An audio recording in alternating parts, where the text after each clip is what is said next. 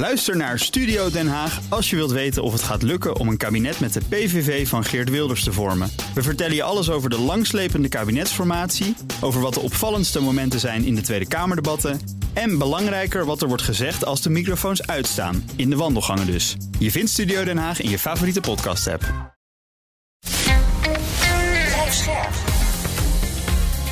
BNR Nieuwsradio. Boekenstein en de Wijk. Connor Klerks. Welkom bij Boekenstein en de Wijk. Het is maandag, dag 439 van de oorlog in Oekraïne. En zo gaan we het hebben over de situatie op de grond. Maar eerst, uh, heren, jullie staan aan de vooravond van een theatertour. Boekenstein en de Wijk voorspellen de toekomst. En die trapt volgende week woensdag af in Nieuwegein. Met als gast niemand minder dan oud-commandant der landstrijdkrachten, generaal Mart de Kruijf. Rob, waar gaan jullie het met uh, meneer de Kruijf over hebben? Nou, over de toekomst. Uh, ook hem bijvoorbeeld vragen van, uh, kun je eigenlijk als militair wel de toekomst uh, voorspellen? Ja. En als het dan gaat over het soorten conflicten waarin we terecht kunnen komen, ja, dan zal het ongetwijfeld gaan over Oekraïne. Dat is echt ja, onvermijdelijk. Tuurlijk. Maar we moeten zeker ook gaan kijken, als het zeker ook over voorspellingen gaat, ja, naar wat er aan de andere kant van de wereld gebeurt, in het Verre Oosten, namelijk mm. Taiwan. Ja. En daar heeft hij ook wel ideeën over. En het spannende daar is, jongens, dat uh, sommige mensen vinden dat wij de Chinezen, uh, dat wij dus de Amerikanen moeten helpen, ook als ze daar oorlog gaan maken. En het is de vraag of iedereen het daarmee eens is. Daar kunnen we heerlijke gesprekken over hebben. Dat is dus volgende week woensdag uh, in Nieuwegein met oud-commandant der landstrijdkrachten, generaal Mart de Kruijf. Hij is er ook bij in Groningen, dat is op 23 mei. En voor de rest zijn er andere data in Breda, Amsterdam, Rotterdam, Scheveningen en Zwolle. En kaarten, ja, die vind je op bnr.nl slash theater. Gaan wij verder uh, met de situatie op de grond. Arend Jan, 35 drones uit de lucht gehaald door Oekraïne. Ja, dan hebben we het dus over uh, Kiev. Hè. Dus Kiev is bestookt met ja. 35 drones. Die, schijnen dus uh, allemaal zijn, te zijn neergehaald. Wat heel positief uh, nieuws is. Maar er gebeuren tegelijkertijd allemaal dingen. Hè, van, uh, we zien dus dat Odessa is vannacht met 8 KH-22, dat zijn oude Russische kruisraketten, bestookt. Ja. Dan staat er bij sommige bereikten geen doel, maar verder staat er helemaal niks bij over slachtoffers. Hè. Nou, wat is er nog gebeurd? Oh ja, gisteren uh, zijn er Oekraïense drones op de Krim weer gevallen. Hè. Mm -hmm. Dat moeten we ook even noemen. Um, uh, wat heeft er dan nog meer? Oh ja, bij Gerson waren er een aantal Oekraïnse soldaten bezig om te ontmijnen. Dat kan je natuurlijk voorstellen. En die zijn negen daarvan, negen Oekraïners zijn beschoten door de Russen en ook doodgeschoten door de Russen. Er was een Russische jet zaterdag, die achtervolgde nogal agressief een Poolse gevechtsvliegtuig dat over de Zwarte Zee vloog. Dus er gebeurt van alles. Nou ja, wat ook interessant is, uh, Arend Jan, dat is uh, de onderschepping van een kindsal. Ja. dus uh, die kindsal, dat is een hypersonische raket, gaat vijf keer harder dan het geluid. Zou dus, en dat heeft, daar heeft Poetin zelf over lopen opscheppen. Ja, dat is onmogelijk om die te onderscheppen. Die gaat door elke luchtverdediging heen. Maar is nu dan toch onderschept door een Patriot-raket. En dat is echt heel erg bijzonder. En dat, dat ding is afgevuurd op, uh, op Kiev. Uh, via de geheime communicatiekanalen is over en weer tussen de Amerikanen en uh, de Oekraïners gesproken over die aanval en hoe dat gedaan is. Ehm, ja, weet je, um, dit moet wel echt een, een domper zijn voor, voor Rusland. Want ja. dit betekent dat voor de zoveelste keer ja, die, uh, uh, die opschepperij gewoon niet geklopt heeft. Kijk, ze hebben natuurlijk al 50 afgeschoten, hè? laat dat duidelijk zijn. Maar op het moment dus dat je kennelijk in aanraking gaat komen met een luchtverdediging waarin die Patriots zitten, dan kan zelfs zo'n apparaat uit de lucht worden geschoten. Nou zeggen de westerse waarnemers, ja, maar dit is ook niet een echt hypersonische wapen. Dit is een uh, opgepimpte Iskander. Een Iskander is zo'n raket die vanaf de grond wordt uh, gelanceerd. Dit is er een uh, die ehm, onder een jachtvliegtuig wordt gehouden. Dan heb je al een hogere snelheid op het moment dat die wordt afgeschoten. Die hebben ook minder brandstof nodig, dus je kunt hem een grotere boost geven. Maar hoe je het ook bent of keert, dit is wel een belangrijk punt. Arend Jan, we gaan naar Bagmoed. Ja, dat is natuurlijk een on ongelofelijke saga die daar aan de gang is. We hebben dus gezien dat Prigozhin stond te schreeuwen in dat filmpje van... Ja, uh, ja ik, ga ik ga mijn troepen hier terugtrekken als ik niks zeg. Nu opeens uh, krijgt, zegt hij dat hij wel munitie en uh, wapens krijgt. Mm -hmm. En wat er aan verbonden wordt, dat is wel interessant. In het rapport van het Institute for the Study of War wordt al geconcludeerd dat zowel Gerasimov, de generaal, als Shogun van Defensie, die kunnen Prigozhin en Kadyrov ook niet als hun ondergeschikte behandelen, omdat ze kennelijk gewoon een te grote rol spelen op de grond. Ja. Dus hij heeft, heeft zijn zin gekregen, zou je kunnen zeggen. Nou ja, kijk, die, die, die, uh, die Prigozhin uh, is natuurlijk de enige die toch enig succes nog heeft uh, geboekt. Het gaat allemaal niet hard. Ik, volgens mij moet hij nog anderhalve kilometer veroveren van Bakmoed. Ja. Dus uiteindelijk, maar dat roepen we ook al maanden hoor, lukt hem dat. Ja, de grote vraag is natuurlijk waarom het, het Kremlin besloten heeft destijds om aan Bakmoed geen grote prioriteit te, geven. Nou, ik kan er wel iets bij bedenken. Kijk, er gaan nu zoveel mensen dood rond Bakmoed. Ja, die kun je dus niet later inzetten voor de grote verdediging als er echt een offensief komt uit, uit de Oekraïnse kant. Ja, dus um, uh, die, die, het lijkt wel alsof Bakhmut een soort prestige kwestie is uh, geworden voor Prigozhin, waar hij uh, bereid is om echt alles aan op te offeren wat er maar aan op te offeren valt. Maar dat betekent dus dat je een tactische overwinningstact gaat boeken. Maar dus in wijze is dat een Pyrrhus-overwinning, waar je hmm. feitelijk niet zo gek veel aan hebt. Want je, kunt, je zit met ongehoord dode en gewonde soldaten. Die kan je dus niet meer inzetten tegen, tegen de verdediging uh, van een grootschalig um, Oekraïns offensief. Ja, jongens, um, um, ja, ik, ik heb ook nooit de strategische rationale hiervan uh, gesnapt. Maar ik denk dat het Kremlin die strategische, eh, strategische rationale wel snapt. Maar wordt nu geweldig onder druk gezet. En dat wordt nu door middel van video's die over de hele wereld zijn te zien uh, wordt dat gewoon uitgevent. En Kadirov, wat je zegt, Arend Jan, uh, die heeft de zijde gekozen van, uh, van Rigozin. Ja. Ja, dus hij heeft een overwinning geboekt. Maar ja, wat moet je ermee? Ja, ja ik denk dat het zo zit. Morgen hebben we de parade, jongens, 9 mei in, ja. in Rusland. En we hebben het al over gesproken, vrijdag en ook zaterdag. Van ja, jeetje, als je met die drones daar allemaal grappige dingen kunnen Kremlin, dan kan je misschien wel meer. Nou, dit weekend is er ook een belangrijke Russische schrijver, is dus in zijn auto uh, gebombardeerd. Hè? Zakhar Prilepin, een van de beroemdste Russische schrijvers. Ik moet je zeggen, het is dus niet uitgesloten, jongens, dat we morgen meemaken dat er een bepaalde uh, uh, terroristische actie, om het zo maar eens te noemen, gaat plaatsvinden op die parade. In ieder geval is het zo, ja. de stukken die ik lees, er is een beetje, er is grote angst in Rusland. De parade gaat door. Ja, dat merk ik ook. Ja, en, en ze zijn ontzettend bang dat er dingen gebeuren.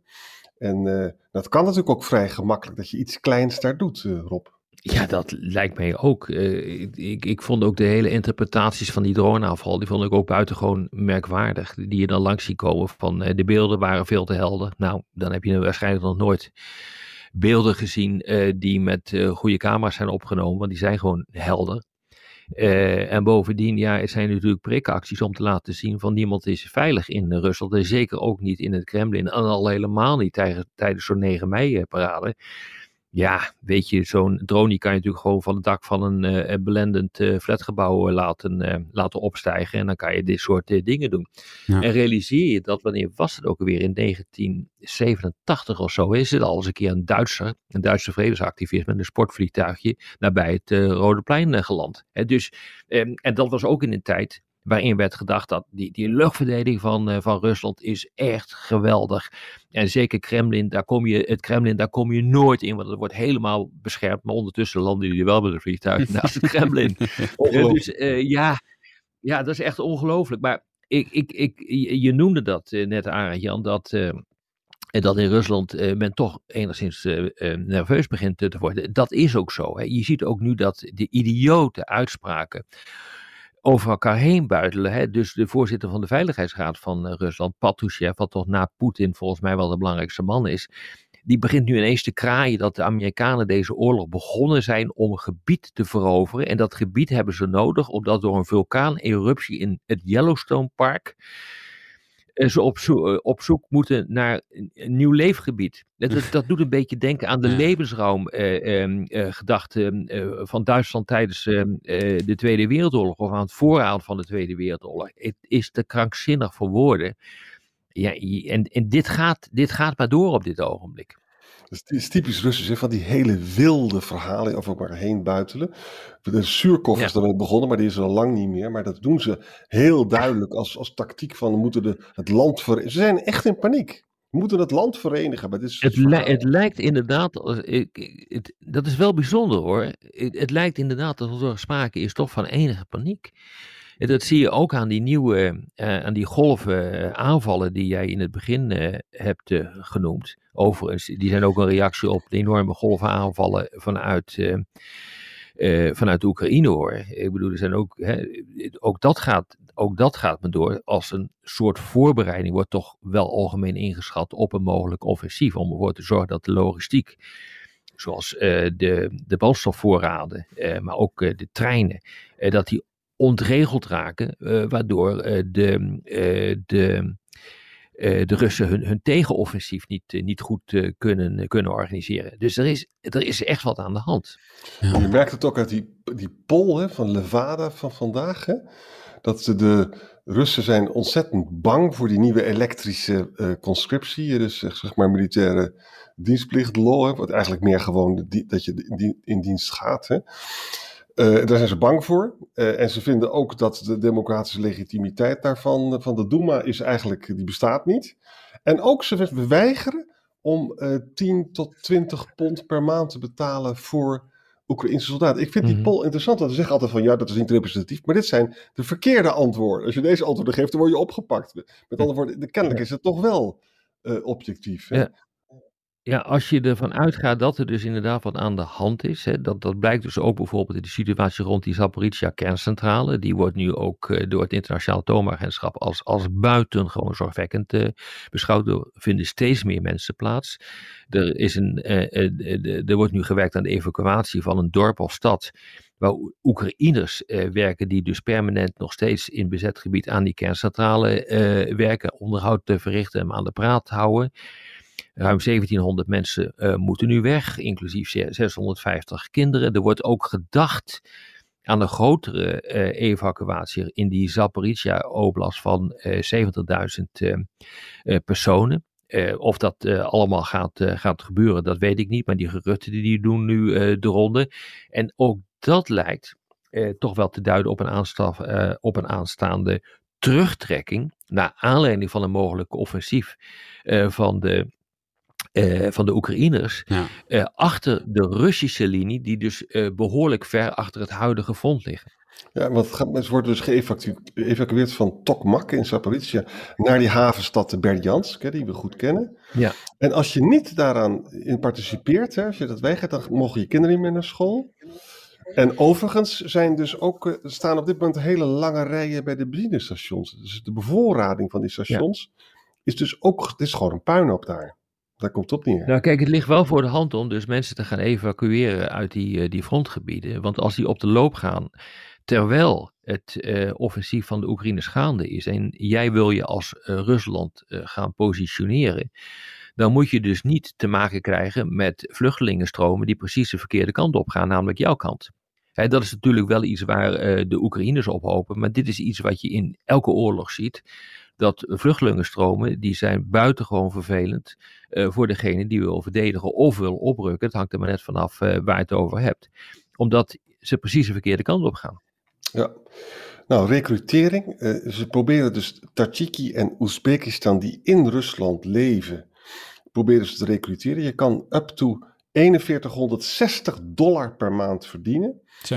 En dan krijg je dus fast track Russisch burgerschap tussen een half jaar tot een jaar. Normaal duurt het vijf jaar. En de Russen zijn op zoek naar 400.000 vrijwilligers. Maar ja, het is zeer de vraag of uh, mensen daarin trappen. Want je gaat gewoon gelijk uh, de kelder in als je daar... Uh, ja, het is wel een hoop geld. Ja, het is een hoop geld, ja. Ja, het verlengde daarvan uh, zag ik ook, vond ik interessant. De Russische Centrale Bank zegt dat het uh, in Rusland momenteel het ergste tekort op de arbeidsmarkt hebben sinds 1998. En dat komt dan door die mobilisatie, maar ook door de histo historisch hoge emigratie als gevolg van de oorlog. En een verouderende en een krimpende bevolking. Dus e voor de economie in Rusland wordt dat nog wel een groot probleem. En je mist al die slimme ICT-jongens. Al die slimme ICT-jongens zijn gewoon weggegaan in, met ja. een auto. Dat lijkt me niet leuk als je die mist, uh, Rob. Nee, maar demografie is altijd al een probleem geweest. Hm. Een aantal jaren geleden heeft een omslag uh, plaatsgevonden. Uh, waarbij eigenlijk uh, de bevolking aan het krimpen is. En behoorlijk ook. En die krimp die wordt nu, natuurlijk nu aangejaagd. Precies wat Arend Jan zegt. Door bijvoorbeeld ICT'ers, uh, echt kwalitatief heel goede werknemers, die gaan de grens over. Maar ook omdat er gewoon doden vallen. Nou zijn dat wel vaak ook mensen die uit de gevangenis worden gehaald. Dus in de ogen van de Russen maakt dat allemaal niet zo gek veel uit. Nee, maar het, het, het zijn problemen, demografische problemen, die, die opgestapeld echt wel een grote impact kunnen gaan hebben. Maar impact altijd afvragen, wat is dan de impact op, het, op de voortgang van de oorlog? En tot nu toe is die nul. Ja.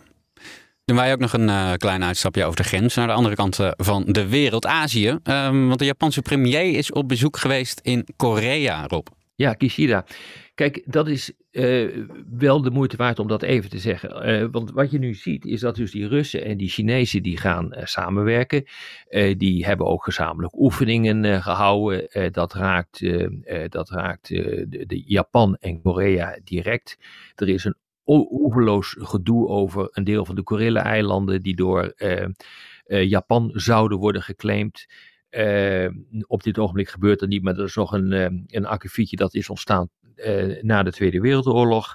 je ziet dat er problemen zijn rond Taiwan. Er zijn problemen rond de Noord-Koreaanse raketten. Nou, ik hoef al die problemen niet uit te leggen, maar wat je dus nu ziet, is dat door al die problemen en doordat er een gezamenlijke tegenstander is, en die tegenstander heet nu China en Rusland, zie je nu dat die landen bereid zijn om een aantal historische disputen aan de kant te schuiven en met elkaar samen gaan, eh, te gaan uh, werken. Kijk, wat, wat er is gebeurd is dat in maart uh, heeft de, de president van Zuid-Korea, Yoon, die is afgereisd naar ehm, naar Japan. En heeft daar uh, gezegd van oké, we hebben een geweldig probleem met jullie historisch gezien. Omdat uh, eigenlijk feitelijk Japan nooit behoorlijk heeft aangeboden om zijn excuses aan te bieden over de koloniale periode. Ja. die, van 2000, die van 1910 tot 1945 duurde. Met name ook het gebruik van slaven, Koreaanse slaven, om het maar zo te zeggen, dus dwangarbeiders. Tijdens Ehm, eh, tijdens de Tweede Wereldoorlog. Nou, daar gaan we nu, heeft Johan gezegd, daar gaan we geen uh, uh, compensatie voor vragen. Daarmee werd een, eigenlijk de angel er al uitgetrokken en begon het mogelijk te worden om tot een, nou verzoening wil ik niet zeggen, maar tot een werkbare relatie te komen. Want dat moet ook wel, omdat Korea met Japan en Amerika moeten gaan samenwerken. Dus ook de Amerikanen zitten hierin. Die zeggen wel, los dat probleem op. Want als we wat willen in die regio, dan moeten we elkaar bij de hand houden. Dat zie je op dit ogenblik gebeuren. En dat is denk ik echt belangrijk. We hebben het hier over Zuid-Korea, hè? Moet je Zeker, ja. Ja, uiteraard. Ja, ja, ja. uiteraard. Maar goed, ik bedoel, waar het dus feitelijk om gaat. En dat is de teneur natuurlijk ook van dit uh, verhaal. Door de oorlog in Oekraïne worden de kaarten opnieuw geschud uh, komt er een samenwerking tussen Rusland en China.